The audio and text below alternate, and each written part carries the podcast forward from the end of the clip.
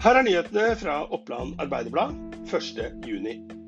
Etter at Tom Hagen ble pågrepet og siktet i slutten av april, så startet politiet jevnlig patruljering i området hvor Anne Elisabeth Hagen disponerer hytte i Biristrand. Etter det Oppland Arbeiderblad kjenner til, har politiet opptil tre ganger om dagen etter at Tom Hagen ble pågrepet og siktet, vært ved hytta. Hva de har gjort, hvorfor de har vært der, eller hvorfor de kan ses der nå, er det ingen som vil si noe om. Ester Gilen stilte ultimatum på om hun hadde full tillit i formannskapet 26. mai. Da hun ikke fikk det av formannskapet i Nordre Land, så ble partene enige om å gå hver til sitt. Og Dagen etter så fikk Gilen 1 million kroner i etterlønn for å gå på dagen. OA har i dag en lengre reportasje der det viser seg at langtidsomstillinger omstillinger og omorganiseringer har ført til uro i eh, rådhuset på eh, Dokka, eh, hvor Gilen har vært toppsjef i to år. I sosiale medier så koker det på våren av personer som er på utkikk etter noe å leie i Gjøvik-regionen. Beliggenheten, plassen og hva som er inkludert i prisen er naturligvis de viktigste momentene for leietakerne. Mange av de er studenter.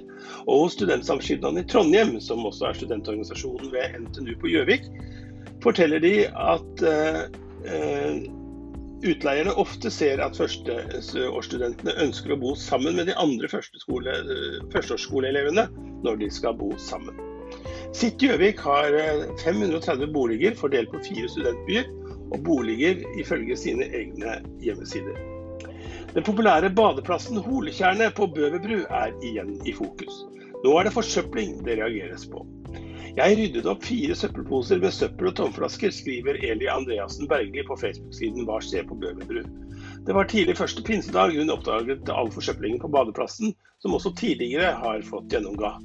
To ganger i løpet av et års tid nå har badeplassen også vært utsatt for hærverk, senest i sist uke.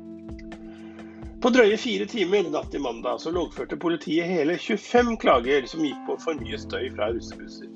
I de tilfellene vi har hatt mulighet til å prioritere dette, så har det blitt gitt pålegg om å skru av musikkanleggene, sier oppdragsleder Sissel Svarstad til Oppland Arbeiderblad. En av Totenpopens fedre, Kjell Bakkeli, er død. Han startet tidlig opp i Balke musikkforening, før han i 1962 ble leder av Totens første popband, Brio Band. Bandet ble både norgesmestere og nordiske mestere for popband i 1964. Og om ikke det var nok, var Brio Band det første bandet fra vårt område som fikk spille inn populærmusikk på plate. Kjell Bakkeli ble 80 år.